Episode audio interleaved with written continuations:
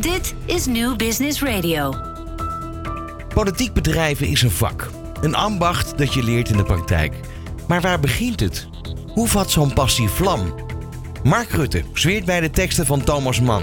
Femke Halsma zag ooit haar politieke licht bij de songteksten van Nick Hallelujah Cave. En Esther Ouwehand pept zich op met de Hollandse rap van Fresco. Maar welke teksten inspireren de nieuwe generatie politici? Welkom bij de special Omni Talks, de Kamerkandidaten, op Nieuw Business Radio. Daarin vragen we Tweede Kamerkandidaten van de belangrijkste landelijke partijen naar drie van hun favoriete geschreven teksten. Op welk boek, gedicht of lied vallen zij graag terug? En wat zeggen deze passages over haar of hem als politicus? Vandaag praat ik samen met Edi Schim van der Loef van Omnicom PR Group met Soher El Yassini, de nummer 15 van de kandidatenlijst van de VVD. En de afgelopen vier jaar was hij ook Kamerlid voor de VVD. Ik ben Ron Lemmens, van harte welkom.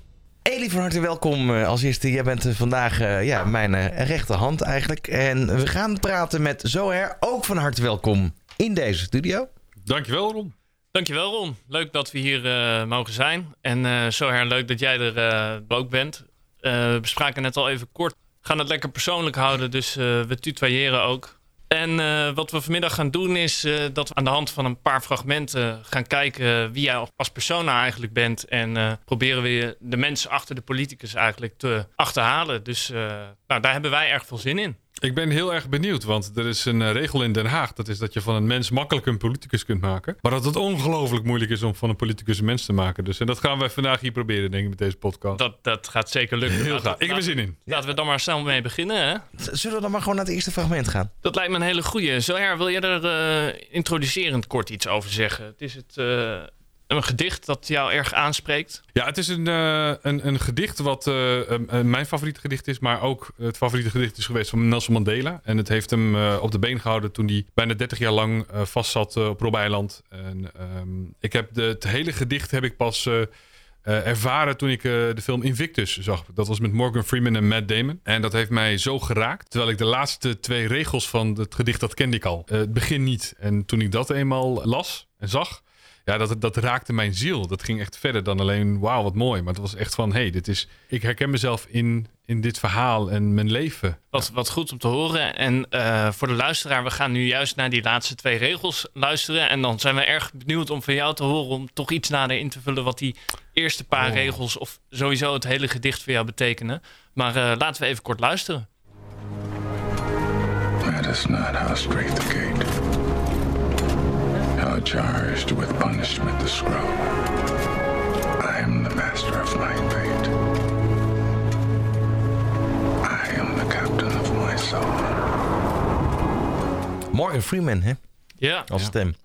Dit fragment is specifiek ook uit die film van Invictus, ja. waar Morgan Freeman het inderdaad ook uh, inspreekt. Ja. En het, het, het raakt mij, want hij, hij zegt ook: I'm the master of my fate, I'm the captain of my soul. Mm -hmm. En dat zijn twee dingen waar het gedicht mee eindigt. William Ernst uh, en Henley die mij raken vanwege uh, mijn eigen leven en mijn eigen jeugd. Ik ben geboren in Utrecht en opgegroeid in een achterstandswijk. Mijn beide ouders die zijn vanuit Marokko naar Nederland gekomen. En um, als je opgroeit in een achterstandswijk, dan krijg je wel uh, de ene klap na de ander.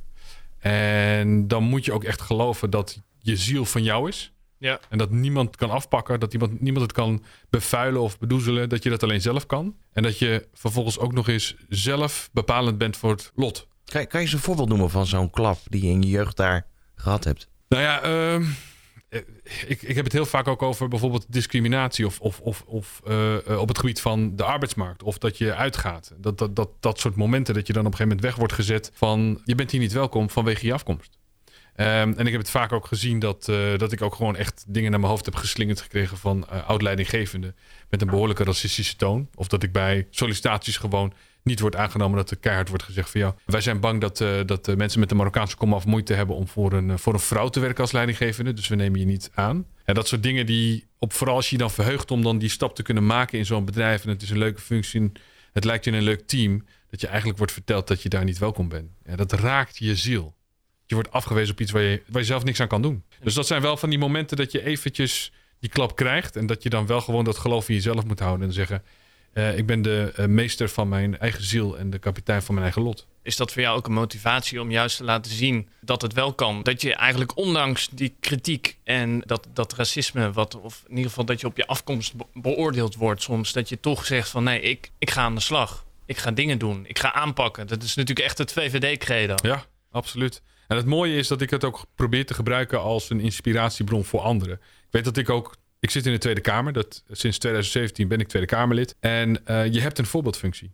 En die voorbeeldfunctie kan je gebruiken door alleen je kop te laten zien op televisie of bij de radio hier of bij een podcast.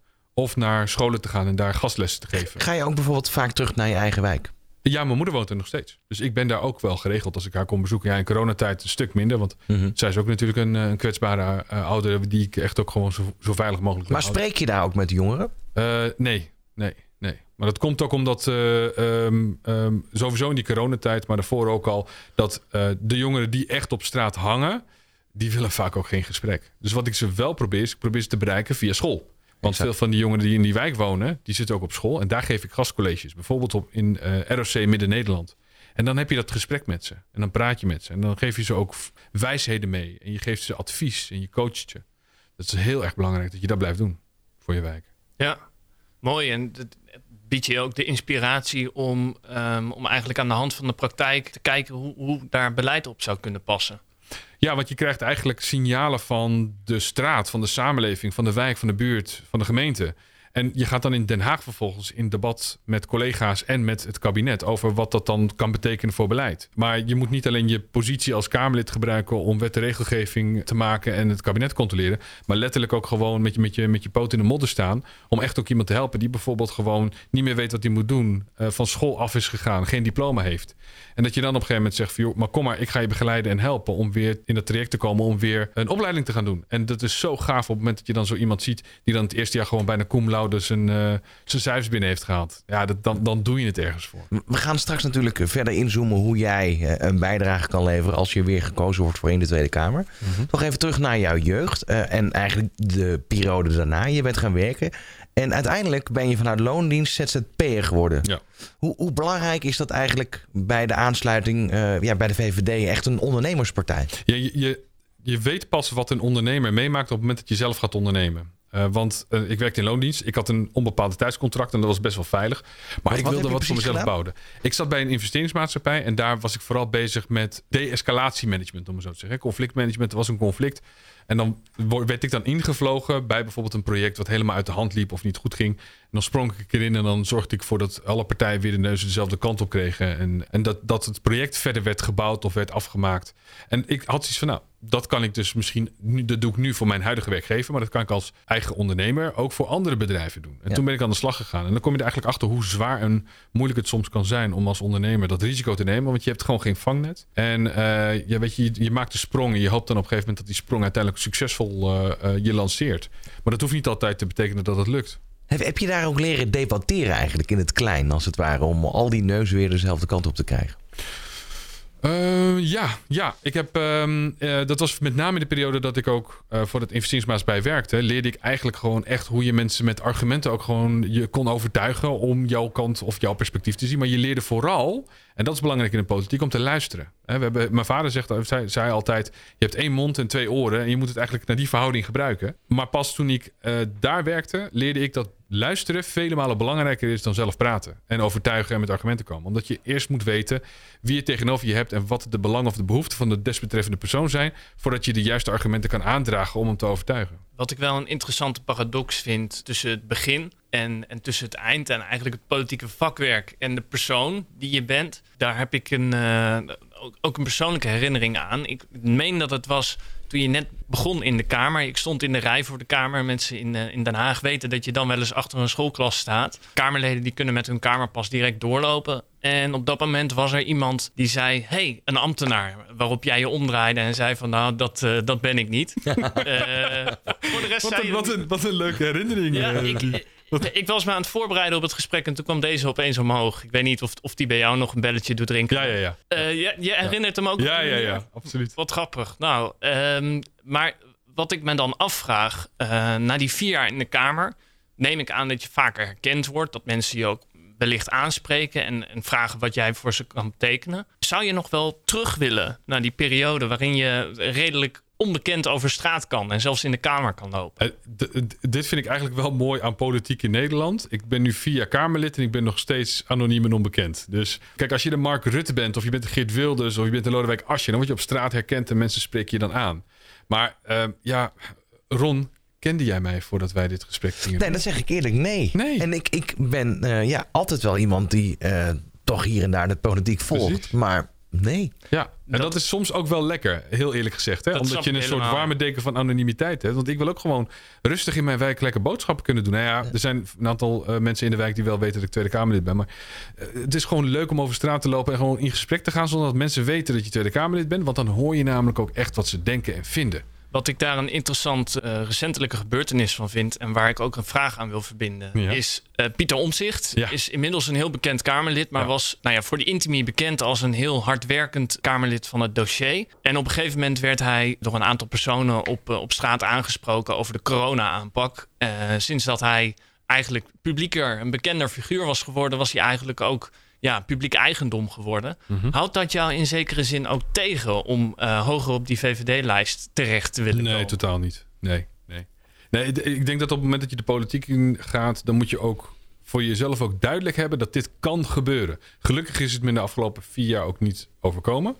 Maar je moet daar wel rekening mee houden, omdat, kijk, alles waar je voor gaat en waar je voor droomt, is het hard werken, maar ook opofferingen. En dit is precies ook dit verhaal van Pieter. Pieter is namelijk bereid om heel hard te werken en opofferingen te doen om hetgene te doen waar hij in gelooft. Het is wel van iemand van een andere politieke partij, maar ik heb heel veel respect voor hem. En ik hoop ook dat hij weer eh, de volgende periode echt gaat knallen. Maar Pieter weet heel goed dat het een combinatie is van die twee. Als je succes wil bereiken in je missie om Nederland mooier en beter te maken. Dus elke politicus die straks de Tweede Kamer ingaat, moet zich heel goed realiseren: dit kan jou ook overkomen. Maar het mag je niet eh, tegenhouden. Want je hebt een verantwoordelijkheid op je schouders. Kan je ons nog eens even meenemen naar vier jaar geleden? Het moment dat je op de kieslijst stond. Eh, die, die, die spanning die er wellicht geheerst heeft Ja, rondom de verkiezingen. Oh, Kom ik wel niet in de Kamer? Nou ja, sterker nog, ik heb de- kieslijst, de, de kandidatenlijst was inderdaad een, een, een puntje. Ik wist echt niet waar ik terecht kwam. Maar, want want hoe, hoe ging dat? Wanneer heb je echt besloten van nou, ik wil dat. Ik ga de politiek in. Nou, dat is wel een leuk verhaal. Dat is, eh, ik was provinciaal. Ik, eh, eh, wil je weten wanneer ik eh, besloot om de politiek in te gaan of de Tweede Kamer in te gaan? Nou, Het zijn twee eh, aparte eh, verhalen. eh, dan de eerste. De eerste. Ik zat met een hele goede vriend van mij. Echt, eh, nog steeds mijn beste vriend. Was ook getuige op mijn, eh, op mijn bruiloft.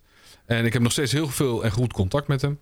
En wij zaten op het terras in 2009. Waren we lekker aan het eten. We hadden het over de politiek. En over dit kabinet. En eh, eh, eh, wat voor onzin ze eigenlijk uithaalden. Dat ze niet aan het voorbereiden waren op de kredietcrisis. En toen zei hij op een gegeven moment tegen mij van... Ik vind dat je wel heel veel praat, maar je doet niks. Ik zeg, hoezo? Hij zegt, nou, je hebt, je, je hebt visie. Je weet wat er misgaat. Je hebt, niet, je hebt geen lelijke hoofd op je schouders. Dus je zou nog voor de camera kunnen verschijnen. En je bent goed met debatteren, discussiëren en beargumenteren. Hij zegt, je bent niet eens lid van een politieke partij.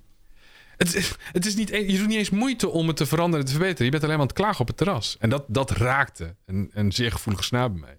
Dus ik heb de volgende dag heb ik me ingeschreven bij de VVD. Maar waarom die keuze voor VVD? Was, dat, was het een snelle, makkelijke keuze? Was het een keuze Ja. waar je echt, echt over nagedacht Nee, hebt? nee, nee, want ik, ik was al VVD-stemmer en, en daar ben ik nog steeds gelukkig. Ehm, maar VVD's geloven namelijk echt wel in eigen kracht. En die zeggen ook, als je echt wat wil bereiken in het leven, begint het en eindigt het met jou. En de overheid moet ervoor zorgen dat ze je de vrijheid geven om je eigen leven vorm te kunnen geven. Maar tegelijkertijd ook daar waar wel nodig is, je te helpen. Dus het is niet dat je er helemaal alleen voor staat. Maar je moet zelf die eerste en die laatste stap richting een succesvol leven moet je zelf nemen.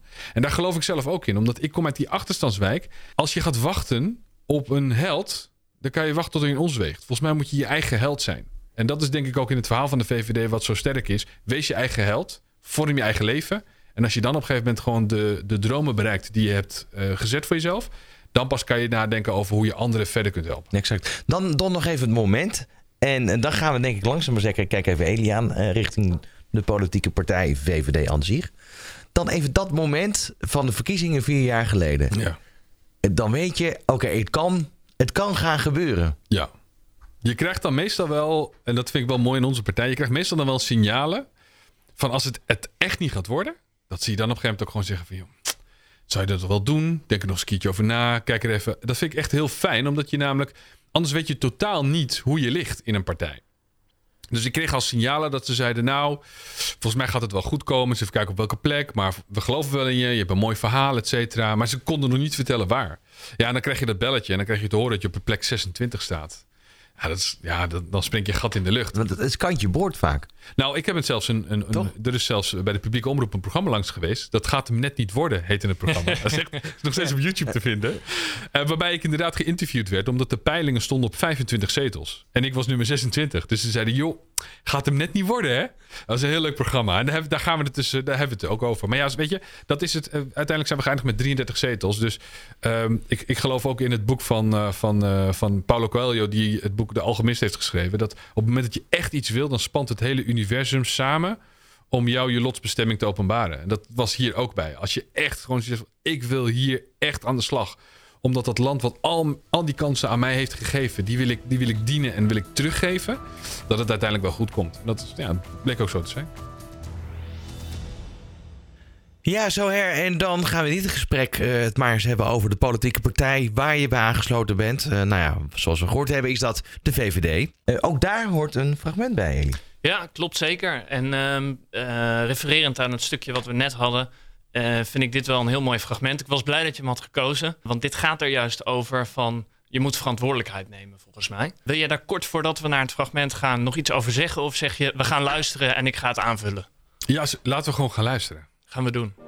It is not the critic who counts.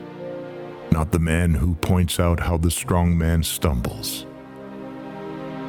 or where the doer of deeds could have done them better. The credit belongs to the man who was actually in the arena. Yeah. Yeah. Ja. Zijn even stil van. ja, ik wel. Ik vind het een van mijn favoriete speeches van uh, Teddy Roosevelt. President geweest van uh, uh, 1901 tot, ik dacht 1908. Ja, het klopt wel wat hij zegt. Hè. Uh, we hebben in Nederland maken we altijd wel het geintje dat we altijd 16 miljoen coaches hebben. Dus nu 17 miljoen coaches. Met bondscoaches. Ja, bondscoaches inderdaad. Hè? Het Nederlands elftal. Die, en dan hebben we allemaal wel commentaar van hoe het wel of hoe het niet moet. En dat zie je in de politiek vaak ook. Hè? Iedereen heeft er een bepaalde mening over. Iedereen vindt er wat van. Maar ga er maar eens staan. Ga maar eens staan als minister-president of als minister of, of als Kamerleden. Uh, en ga eens praten over een, aanslag, een tramaanslag in Utrecht. Een MH17 een pandemie, wat we in de afgelopen, wat is het, 100, 100 120 jaar niet hebben meegemaakt. En dat, uh, dat verantwoordelijkheid nemen, hè? staat dat voor jou ook centraal binnen de VVD en het gedachtegoed waar jij voor wilt gaan? Ja, absoluut. Maar dat is, het is verantwoordelijkheid nemen voor je eigen leven. Verantwoordelijkheid nemen voor de mensen, voor je naasten. Maar ook als overheid verantwoordelijkheid nemen voor de taken die je wel gewoon goed moet doen. We zien de laatste tijd ook een aantal dossiers oppoppen die een hele vieze nare uh, nasmaak krijgen of hebben. De toeslagenaffaire bijvoorbeeld. Dat is echt een typisch voorbeeld waarbij een overheid echt, echt heeft gefaald. In, in alle opzichten. Uh, we zijn nu bezig met uh, commissie Bosman. Die heeft, ik dacht gisteren, een rapport uitgebracht, adviesrapport, over uitvoeringsdiensten.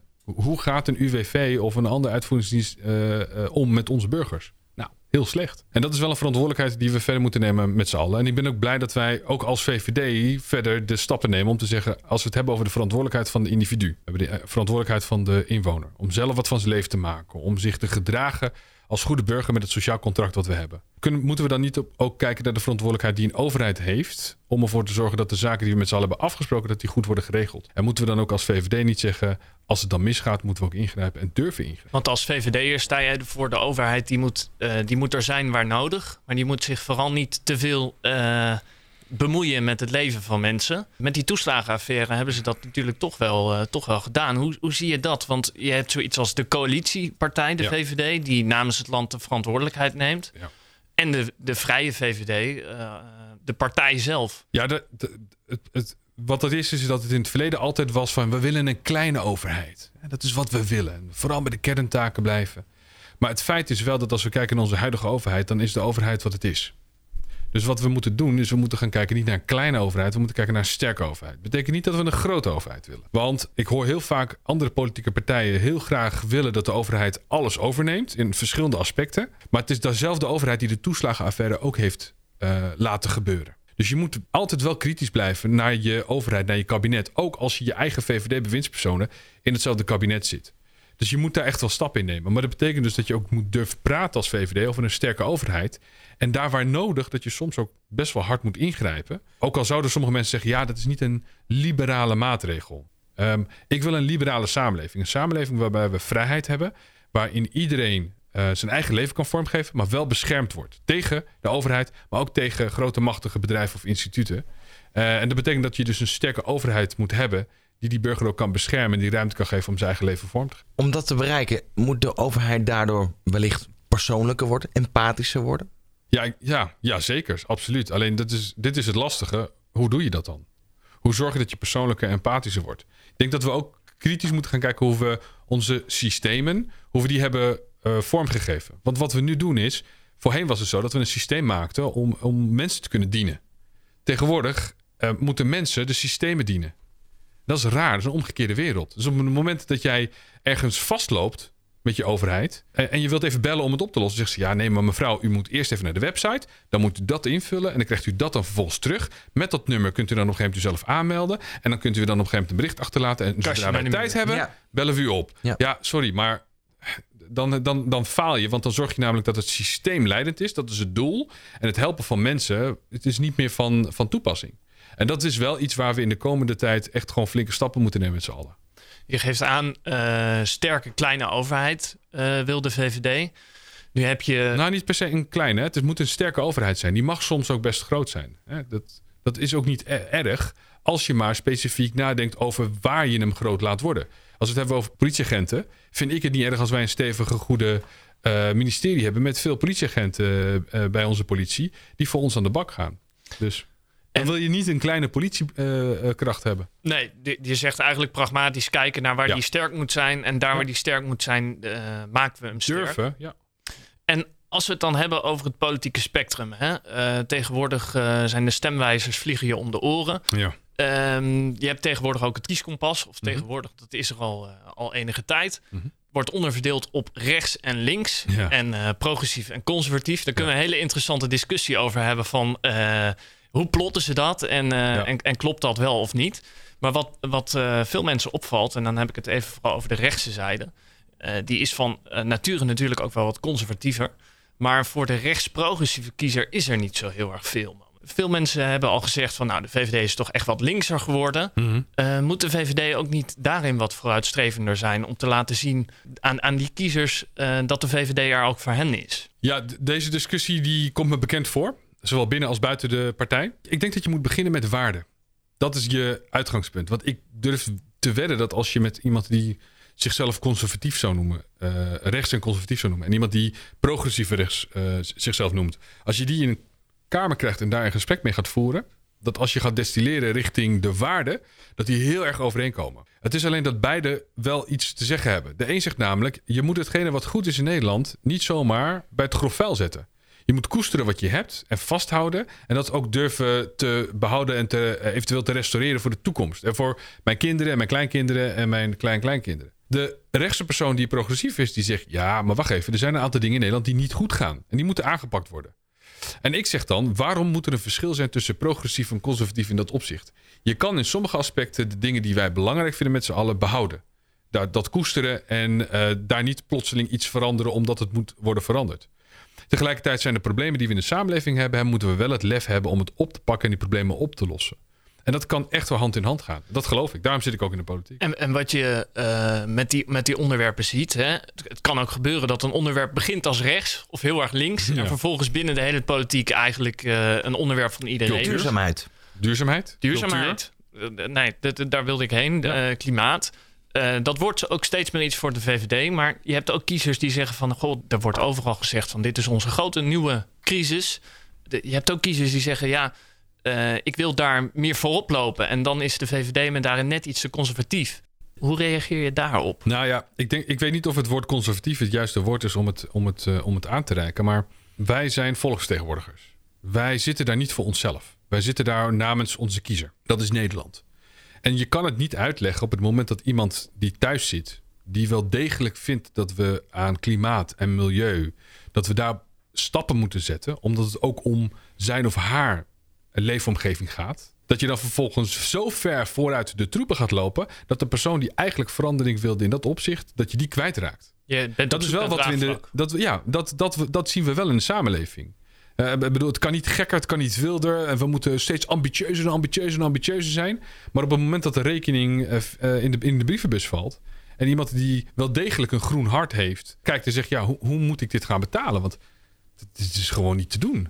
Hoe ga je daar dan mee om? Dan kan je nog zo groen zijn. Als je portemonnee dat niet omvangrijk genoeg is, dan ben je hem kwijt. Of dan ben je haar kwijt. Dus je moet ook samen met je bevolking kijken welke stappen kunnen we en moeten we nemen. Daarom zeggen we ook altijd: het moet behapbaar en betaalbaar blijven voor mensen. Want wij willen wel verandering.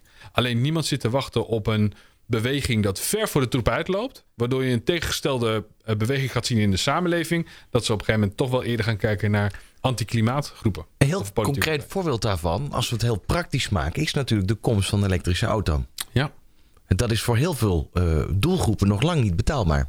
nog niet, nee. Maar kan de overheid daar dan een bijdrage aan gaan leveren dat het wel wordt? Dan zijn we met z'n allen toch een stuk schoner. Maar dat is wel raar, want de overheid bouwt natuurlijk geen auto's. Het zijn de autofabrikanten die bouwen. En wat je ziet. En Maar, maar wat, wat kan de overheid eraan doen om het betaalbaar te maken voor iedereen? Om ervoor te zorgen dat je helpt om die infrastructuur te bouwen. Als het bijvoorbeeld gaat om opladen. Maar ik zal je een voorbeeld geven waarom, waarom zijn elektrische auto's nu zo hip en happening. Misschien weten jullie het, maar voor Tesla. Als je in een elektrische auto reed, werd je door je collega's en je familie en je omgeving uitgelachen. De Want Toyota Prius. Ja. Waar, waarom, waar- waarom rij je in een, in een, in een blik? Eh, wat, eh, ik, ik ga nog liever op een, op een, op een, met paard en wagen naar mijn. Dat, zo werd er echt over elektrische auto's eh, gesproken. En toen kwam Tesla op. Die zeiden: Wij willen niet alleen milieuvriendelijk zijn, maar we willen ook iets geven waar mensen behoefte aan hebben. En wat ze willen gaan doen. En toen kwamen ze dus inderdaad met de eerste eh, modellen van Tesla. En iedereen had zoiets van: Holy shit, wat een mooie auto. Die wil ik hebben. En nu zie je alleen, ik, op de weg kom ik alleen maar Tesla-rijders tegen. Dat is een ontwikkeling die de overheid niet kan stimuleren. We, we kunnen met allemaal pakketten komen en allemaal geld er tegenaan gooien. Maar het feit dat een automerk op een gegeven moment slim genoeg zegt: waarom kunnen we het niet gewoon sexy maken? Dat de behoefte van de klant op een gegeven moment terechtkomt in: hé, hey, dit wil ik ook. En je ziet het, Audi doet het, Volkswagen doet het. Ze komen allemaal met nieuwe types elektrische wagens. De Fiat 500 heeft zelfs zijn eigen auto uit de markt gehaald, omdat ze bezig zijn met de Fiat 500 elektrische variant. Dus je ziet Dus echt daarvan heel- zeg je eigenlijk de dan zie je dat de samenleving. Ja, maar de samenleving. Het is niet eens de markt. Het is de samenleving. Wij mensen, wij zien iets en denken: oh wauw. Het is net als gezond eten. Als je gezond vegetarisch of veganistisch wil eten. Ik heb het wel eens gedaan. Dan haal ik iets uit de supermarkt. Denk ik, nou, ik wil nadenken over het milieu. En dan stop ik het in mijn mond en dan spuug ik het direct uit. Want het is gewoon niet te vreten.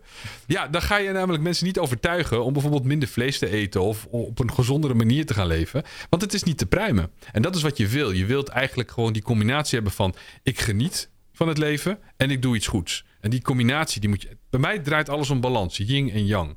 En dat is eigenlijk in feite Ja. wat op neerkomt. Maar, maar, maar dan nog de vraag: wanneer is het dan voor een, de, hè, laten we het zeggen, de, de, de mensen in kansarme wijken, de mensen met een minder grote portemonnee, om aan die verduurzaming deel Ja. te nemen? Want dat is voor die groep nog steeds heel ingewikkeld. Ik kom zelf uit die, uit die wijken. Dus ik weet een beetje wat de mentaliteit vaak daar ook is. Hè? En mensen delen dan altijd eh, de samenleving op tussen arm en rijk. Met, vooral met dit soort situaties. Het bizarre is, het is niet arm en rijk. Het is early adapters versus de, de volgelingen, om maar zo te zeggen. En als je ziet bijvoorbeeld in arme wijken... Ja, het klopt inderdaad dat je zegt... als je een nieuwe Tesla hebt, dan kan je niet betalen. Maar wat er wel, natuurlijk wel zo is... is dat op het moment dat de mogelijkheid er is... om bijvoorbeeld een tweedehands auto te kopen... van Audi of Volkswagen of van Mercedes... die elektrisch eh, rijdt en ook duurzaam gebouwd is... dat iemand bijvoorbeeld in een tweede leven of een derde leven... Hè, tweedehands of derdehands, op een gegeven moment kan zeggen: Nou, dat wil ik hebben. En dan zijpelt het door in de samenleving. Wat we nu bijvoorbeeld doen, is dat wij duurzame auto's die elektrisch rijden op de lease. Die worden dan vervolgens uit de lease gehaald en die worden dan vervolgens zo naar het buitenland gepropt. Wat ik bizar vind. Zorg ervoor dat de tweede en derdehands eh, elektrische auto's ook de ruimte krijgen in Nederland. En daar kan de overheid wel in helpen. Door te kijken waar kunnen we daar de volgende stappen in nemen. En helpen om het niet meteen te, exporteren naar het buitenland toe. Maar juist ook gewoon een tweede en een derde leven in Nederland te krijgen. Ook voor die groepen die jij net bedoelde, Ron. En ik kan me ook een, eh, een eh, stukje wetgeving herinneren waar Pieter Omtzigt zich ook fel tegen heeft verzet. De zogenaamde Tesla-tax. Dat ging ook niet helemaal goed toen de overheid daarbij betrokken raakte eigenlijk. Hè? Ja, eh, want kijk, er zijn heel veel dingen die de overheid, waar de VVD ook heeft ingezeten, eh, eh, heeft geprobeerd te doen. wat soms niet werkte. Had ook bijvoorbeeld te maken met hoe ga je om met financiële bijtelling voor je auto. Met een, met een, met een, met een lease. is ook niet helemaal goed gegaan. Het heeft ook niet een effect gehad. Waardoor mensen bijvoorbeeld veel meer elektrisch zouden gaan rijden.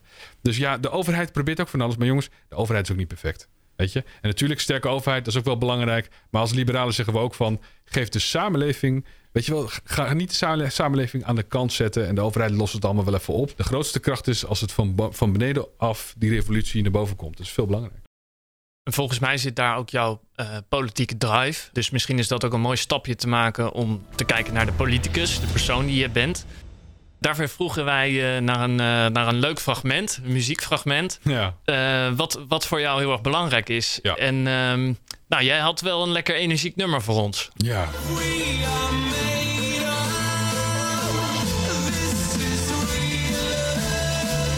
Ja, toevallig hebben we het net over oplaadbare auto's, maar dit is een totaal andere betekenis. Sterker nog, Ron, ik zie, uh, wij hebben natuurlijk het uh, mooie voorrecht dat we hier op anderhalve meter kunnen zitten, maar ik zie dat de benen van zo erg goed op en, neer, op en neer gaan. Dus uh, die, die e-, energie zit erin. Ja. Draai jij dit nou ook voor een procedurevergadering, wanneer jij even een, een fel betoog gaat houden? Nee, dat doe ik niet. ik ben namelijk echt een mediterraans ventje, dus wat er gebeurt is dat ik dan eigenlijk gewoon heel, heel, heel energiek en wild wordt. Terwijl mijn, mijn belangrijkste uitdaging voor mezelf is ook in de politiek en de debat en discussie juist rustiger te worden, wat rustiger te praten, wat rustiger over te komen. Dus dat zijn mijn uitdagingen. Nee, maar dit is, dit is een heel belangrijk nummer voor me geweest, omdat het uh, dit nummer is uitgekomen in een, op een, op, een kruispunt van mijn leven. Hè. Dat was, ik was veel te zwaar. Ik was uh, 150 kilo. Uh, ik zat niet lekker in mijn vel. Ik deed wel een politiek, maar ik wist niet zo goed wat ik wilde of waar ik naartoe ging. En ik besloot mijn leven helemaal om te gooien. Het nummer is een heel belangrijk nummer voor me geweest. Want soms voelde ik me zo lamlendig en ja, eigenlijk depressief. En dan wilde ik in bed blijven liggen. En dit nummer zorgde ervoor dat ik opstond, mijn dag begon. En gewoon met volle teugen, volle energie er gewoon er tegenaan ging. Ja, dat heeft mij wel geholpen tot de, tot de persoon en de man die ik nu ben. Ja, het geeft je echt de drive. De... Ja, nog, als ik het nog steeds hoor, dan weet je, er komt gewoon, ik heb gewoon weer zin om gewoon iets te gaan doen, te gaan sporten, te gaan ondernemen. Als ik het nummer alleen al hoor. Dus je hoort ook al, als, het, als je goed luistert, ik praat nu ook sneller. Ja. Dus uh, dat, dat Ik heb hier ook de nodige momenten op, uh, op, op de kosttrainer meegestaan met dit nummer. Ja. ja. Fantastisch nummer om op te, om op te trainen, absoluut. En jouw ogen uh, die gaan daar helemaal van glanzen. Ja. geeft het je ook zin in de periode na de lockdown en na corona? Oh, ik ben, ik, ben, ik ben de coronacrisis zo zat. En ik denk dat het voor de rest van Nederland ook wel geldt. We zijn zo, ik ben zo klaar met het virus, weet je. Maar dat virus is echt nog niet klaar met ons. Dus we moeten nog even volhouden. En, en, en ik hoop dat die versoepelingen die, die, die nu al deels uh, uh, er zijn... dat die straks nog, nog, nog, nog groter worden.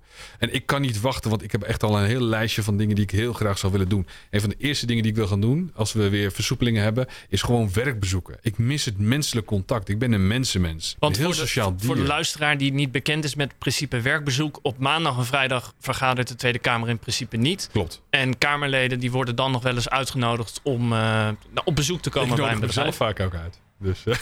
Kijk, dat is van een. Nou ja, zo regel je het helemaal. Ja, precies. Nee, maar ik doe het echt, echt heel vaak. En, en uh, uh, kijk, wij, we kunnen in die bubbel gaan zitten in Den Haag. En dat mensen betichten ons daar heel vaak van. van ja, je, je weet niet waar je het over hebt, want je zit niet in de samenleving.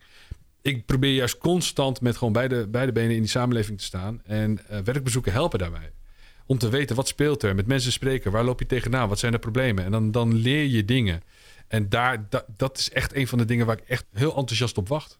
We hebben het nu over muziek. En um, we willen aan de hand van die muziek duidelijkheid krijgen bij de persoon die daarachter zit. Jij was ons eigenlijk helemaal voor uh, toen je met Maurits van Martels uh, ja. top 2000 uh, presenteerde leuk, van de Kamerleden. Ja, dat klopt, ja.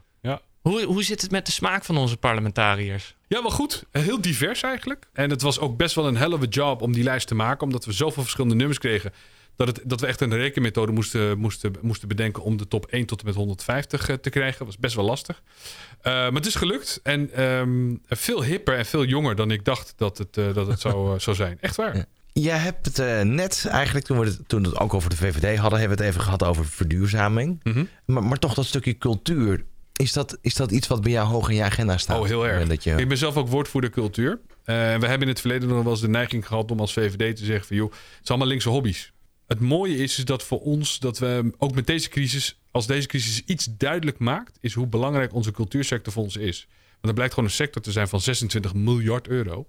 En er gaat maar 4 miljard aan subsidie naar die sector. Dat Dat betekent dus dat de rest allemaal bestaat uit ondernemers en hardwerkende mensen die met een boterham proberen uh, uit die markt geld te verdienen. Die moeten we wel koesteren, want ik kan heel mooi in een plek wonen. Ik kan misschien heerlijk werken, maar ik wil ook kunnen leven. En als corona iets ons heeft geleerd, is dat je ook wil leven. En cultuur hoort erbij. Festivals. We hadden net uh, Sebastian Ingrosso met, met Reload, wat je net liet, uh, liet horen. Dat wil ik gewoon op Welk een festival. festival was het? Nou, dit... Tomorrowland, denk ik, ja. Nee, uh, maar, maar, het gaat om festivals, concerten, theater, bioscopen. Ik wil, weet je wel, ik wil het leven weer opzeggen. Ik, ben, ik hou van het leven. Ik bedoel, dus men zegt wel eens van, oh, er is iemand overleden. Wat verschrikkelijk, wat pijnlijk. Wat, wat... Ik zeg ook altijd, hoe droevig het ook is, het is niet het, is niet het trieste dat iemand, niet, dat iemand is overleden. Het is pas echt triest als iemand niet heeft geleefd. En dat is wel iets wat ik in mijn leven probeer te doen, tot mijn dood. Ik zuig echt alles eruit wat erin zit. En probeer tegelijkertijd ook terug te geven aan de samenleving. Omdat ik juist zoveel heb mogen krijgen, is het mijn verantwoordelijkheid om dat ook terug te bieden. Wat een mooi verhaal. Hey, en om dat nog uh, wat extra kracht bij te zetten die komende vier jaar. Mm -hmm. Tijdens de vorige verkiezingen stond je aan mijn hoofd op plek 26. Ja. Je bent naar plek 15 gegaan. Ja. Flinke stappen gemaakt wat dat betreft. Nou, je wil je denk ik doorontwikkelen. Ja. Maar hoe zie jij je rol binnen die fractie?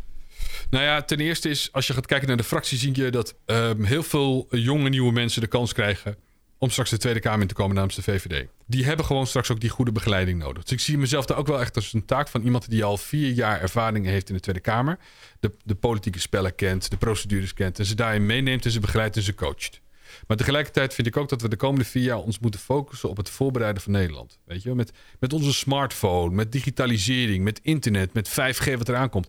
Onze wereld verandert zo snel en zo hard dat als wij voor de nabije toekomst voorbereid willen zijn, moeten we nu alvast beginnen. En ik hoop daar straks in de komende vier jaar mijn steentje aan bij te mogen dragen op het gebied van digitalisering, misschien kunstmatige intelligentie. Hoe gaan we om met social media? Wat gaan we doen met grote techbedrijven die uit het buitenland komen? Uh, uh, dat zijn allemaal punten die ik hoop voor de volgende fractie mijn inbreng in te kunnen, kunnen geven. En daar ook straks Nederland voorbereid achter te laten als ik uit de Tweede Kamer stap. Zo ja, we zijn uh, bijna aan het eind van deze uitzending. Jammer. Maar, uh, jammer ja, jammer, zeker jammer. Het is een leuk gesprek. En uh, we ronden het graag in stijl af met, met drie eigenlijk apolitieke vragen. en de eerste vraag is eigenlijk welk nummer jij op gaat zetten als je straks hoort op 17 maart, misschien 18 maart, dat jij weer in de Tweede Kamer mag. Ja, dat, dat, dat is gewoon inderdaad reload. Wat, wat jullie eerder ook al hebben gehoord van Sebastian Ingrosso. Reload betekent ook herladen. En volgens mij is dat het perfecte nummer om ervoor te zorgen dat we weer voor de komende vier jaar dat ik weer ga herladen om uh, genoeg uh, munitie te hebben om het nog beter en nog mooier te maken voor Nederland. Dus, nou, ja. Top, dat is het antwoord op vraag 1. Vraag 2 hebben we misschien al een beetje besproken, maar ik ben ook benieuwd wat je nou persoonlijk gaat doen op het moment dat de corona-lockdown en alle coronaperikelen volledig voorbij zijn. Die, de wereld gaat weer open en zo her gaat. Ja, het eerste wat ik persoonlijk ga doen, dus even, even los van werk, is samen met mijn maatje, uh, ik ben een motorrijder, ga ik gewoon op mijn chopper. Ga ik gewoon mijn spullen pakken. Ga vastzetten aan mijn motor. Doe mijn helm op. Doe mijn jas aan. Ik stap erop. Ik start hem. Ik zet hem in zijn eerste versnelling. En ik rij weg richting Italië. Door gewoon even een motortour te maken samen met een maatje van me. En dan gaan we gewoon echt gewoon op de weg hardcore uh, de kilometers uh, vreten. Nou ja, dat lijkt me een prachtig vooruitzicht. Uh, waar iedereen toch wel een mooi beeld bij moet hebben. Tot slot, uh, we willen het toch ook nog heel even over taal hebben, want dat is toch ook een beetje wat politiek is. Welk woord, uh, je hoort graag in de tweede, vaak in de Tweede Kamer dat, dat het toch wel, uh, nou ja, verpolitikiseerd wordt, uh, voor zover Ja. dat een woord is. Welk Ja. woord ga jij nooit gebruiken? Wat is je jeukwoord? Ik, ga het, ik, ga het, ik wil het niet beloven, maar ik ga het wel mijn stinkende best doen. Maar waar ik echt mijn jeukwoord aan heb, is inclusiviteit. Oeh. Wil je die nog toelichten? Eh, ja, want het wordt vaak gedaan als. eh, waar ik altijd last van heb, is dat dan op een gegeven moment mensen praten over. Ja, we willen inclusief zijn voor iedereen. Maar wat ze dan eigenlijk stiekem bedoelen is. We willen vooral inclusief zijn voor mensen die exact hetzelfde eh, denken zoals wij dat hebben. Maar er misschien nog net anders uitzien, zodat ik ook gewoon. eh, als een gave peer naar voren kan komen. Dus Wel heel toevallig dat je dit nu zegt. Want de eerste aflevering was met April Ranshuizen. mhm. En zij is dus eh, ja, in een rolstoel eh, beweegt ze zich. En met haar hebben we uitgebreid gesproken over dit onderwerp waar jij jeuk van krijgt. Ja, maar het heeft toch niks met. Kijk, als je, als je beperkt bent, of je hebt een bepaalde etniciteit, of een geaardheid, of een geslacht, dan gaat het om gelijke kansen.